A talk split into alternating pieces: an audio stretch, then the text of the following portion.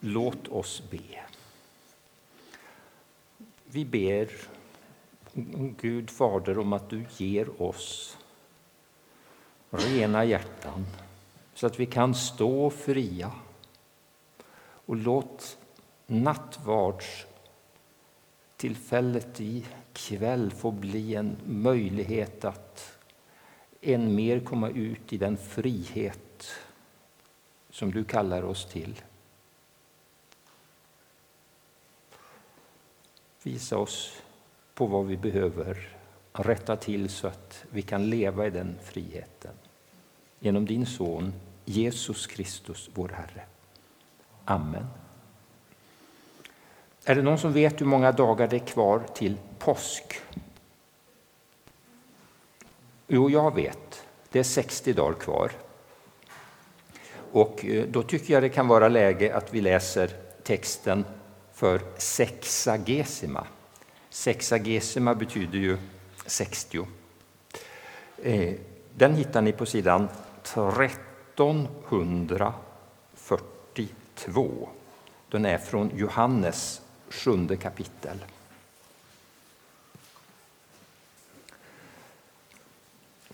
Några i hopen som hörde Jesu ord sa han måste vara profeten. Och några sa han är Messias. Men andra sa inte kommer väl Messias från Galileen? Säger inte skriften att Messias ska vara av Davids ett och komma från Betlehem, byn där David bodde? Så blev hopen oenig om honom. Några ville gripa honom, men ingen lyfte sin hand mot honom. När deras folk kom tillbaka frågade översteprästerna och fariseerna varför har ni inte tagit hit honom? De svarade aldrig har någon människa talat som han. Då sa fariseerna till dem har ni också blivit vilseledda? Finns det någon i rådet eller bland fariseerna som tror på honom? Men den stora hopen som inte kan lagen, den är förtappad.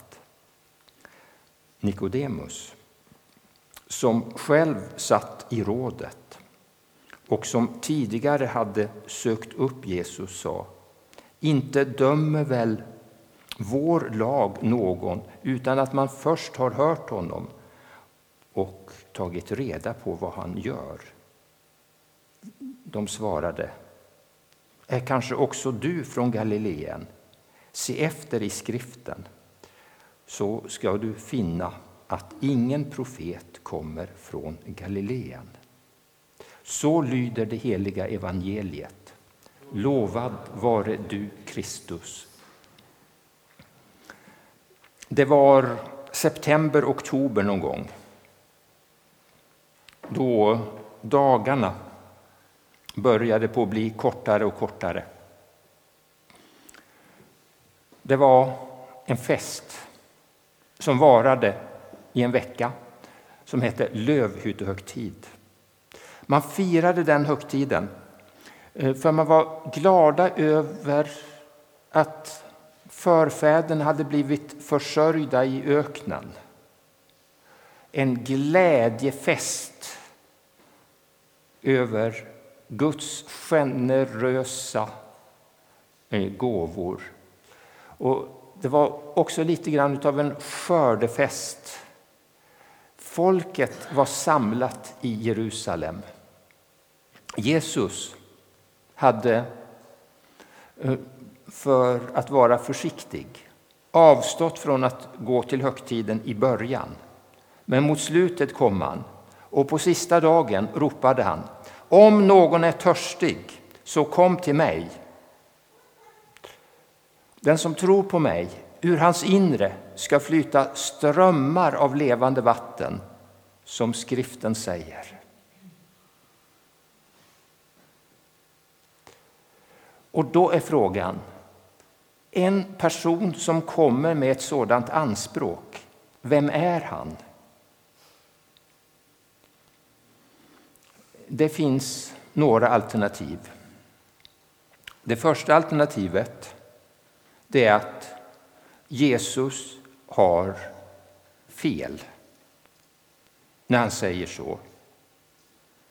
Eh, de här sakerna som Jesus sa, om någon av er skulle säga så, så skulle jag tycka du har hybris. Eh, de här orden som Jesus sa upplevde de religiösa ledarna som helt falska. De kunde inte ta till sig att det här kunde vara sant. Och de var så ivriga och påstridiga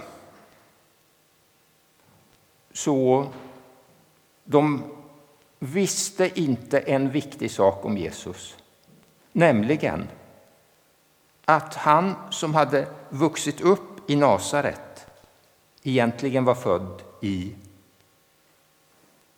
var? Ja, ni visste ju mer än fariseerna. Och de var väldigt agitatoriska. De överdrev. Då kanske menade de att eh, profeten kommer inte från Galileen. Och så sa de, ingen profet kommer från Galileen. Jona kom från Galileen, Nahum kom från Galileen. Det är en by uppkallad efter Nahum som heter Kvarnaum eller Kapernaum. Det blev ovilja att sätta sig in i sanningen och överdrifter i polemiskt syfte och en ovilja att lyssna på dem som hade upptäckt sanningen. Och Det här kan ju vara något som många av oss kan på ett eller annat sätt ha. Och då får vi be om förlåtelse för det. Den andra möjligheten det är ju att Jesus verkligen var den han sa att han var. Och Nikodemus, han var ju en som började på att upptäcka det här. Han hade ett ordentligt gott samtal med Jesus när det var mörkt han gick väl därifrån utan att ha blivit övertygad. Men nu var det så att han och många andra hade gripits av vad Jesus hade att säga. Så de blev gripna av honom, de som hade kommit för att gripa Jesus.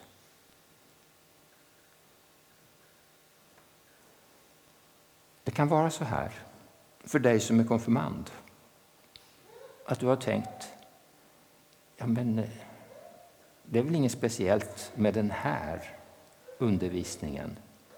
Och så kan ni märka, några av er, ja men det här är ju cool.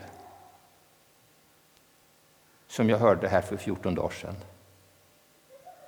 När det händer något, när ni börjar upptäcka att det är någonting speciellt med Jesus, då blir det cool. Så vi ska få vara med om att få upptäcka mer utav Jesus i nattvarden. Men innan dess får vi be om förlåtelse för sånt som inte passar ihop med Jesus. För sånt som innebär att vi inte på alla sätt har lyssnat in vad han har att säga. Känner du igen dig i det, så var med i syndabekännelsen.